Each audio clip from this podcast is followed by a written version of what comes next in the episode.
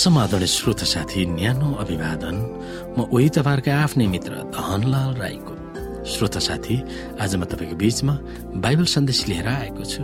आजको बाइबल सन्देशको शीर्षक रहेको छ जसलाई उनीहरूले क्रुसमा टाँगिदियो।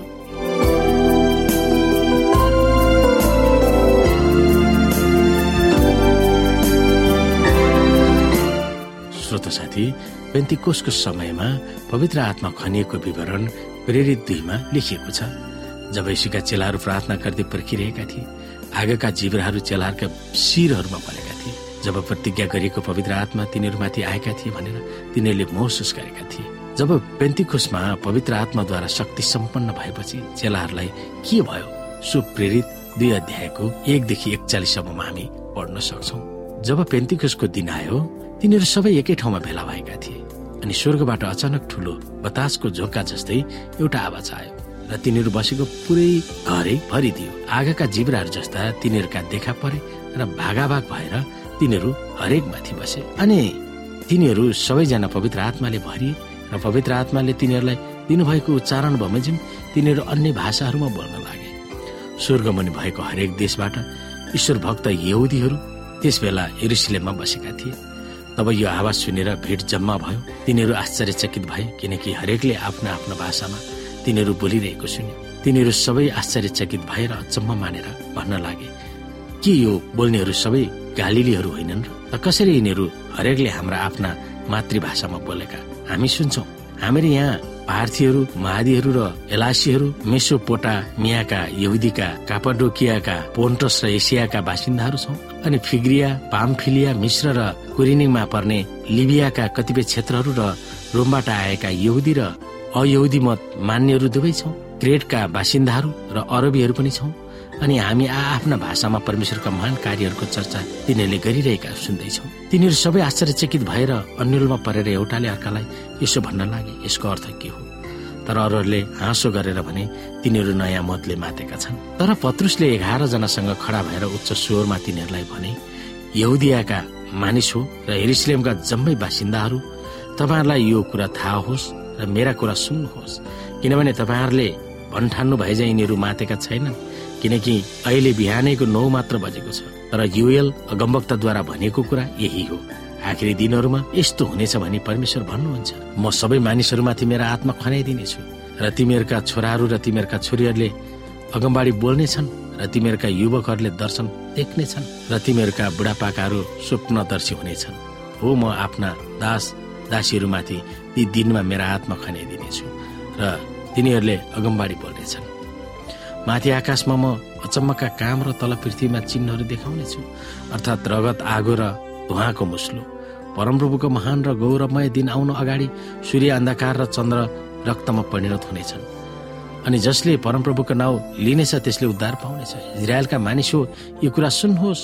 नसरत गायसु यस्ता व्यक्ति हुनुहुन्थ्यो जसलाई परमेश्वरले शक्तिशाली कामहरू अचम्मका कामहरू र चिन्हहरूद्वारा तपाईँहरूका सामुन्ने प्रमाणित गर्नुभयो।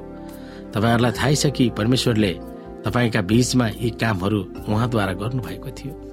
परमेश्वरले ठहराउनु भएको निश्चित योजना र पूर्वज्ञान अनुसार पक्राउ पर्नुभएको यिनै यसुलाई अधर्मी मानिसहरूका हातद्वारा तपाईँहरूले क्रुसमा टाँगेर मार्नुभयो। उहाँलाई परमेश्वरले मृत्युको पीडाबाट छुटकारा दिएर जीवित पार्नुभयो किनकि मृत्युको अधीनमा उहाँ भइरहनु असम्भव थियो। किनकि दाउदले उहाँको विषयमा भन्दछन् मैले प्रभुलाई सधैँ मेरो सामान्य देखेँ। किनभने म नडगमगाउँ भनेर उहाँ मेरो दाहिनेतर्फ हुनुहुन्छ। यसकारण मेरो हृदय आनन्दित र मेरो जिब्रो हर्षित भयो। यसबाहेक मेरो शरीरले पनि आशामा जिउनेछ किनकि तपाईँले मेरो प्राणलाई पातालमा छोड्नु हुने छैन।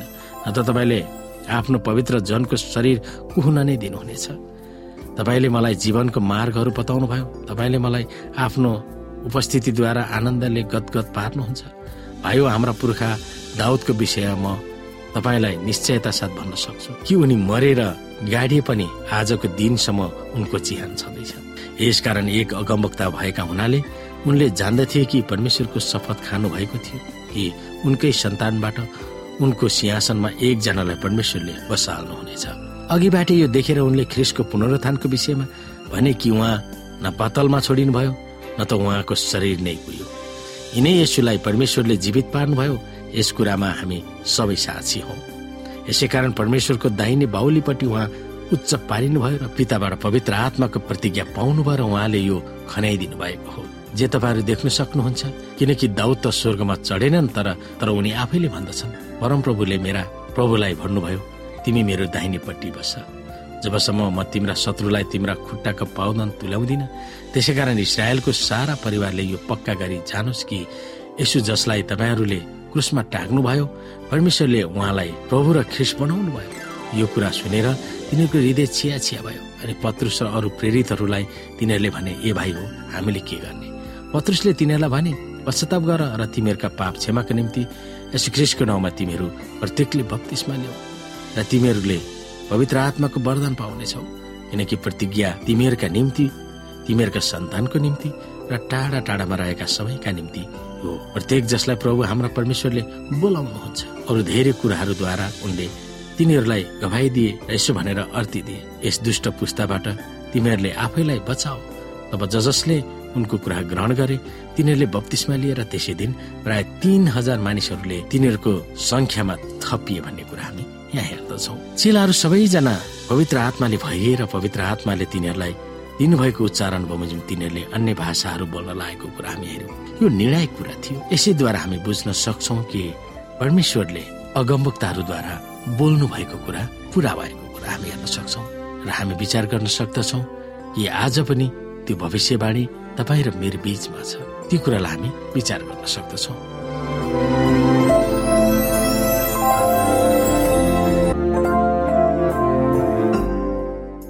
श्रोता साथी आजको लागि बाइबल सन्देश यति नै। हस्त नमस्ते। जय मसिंह।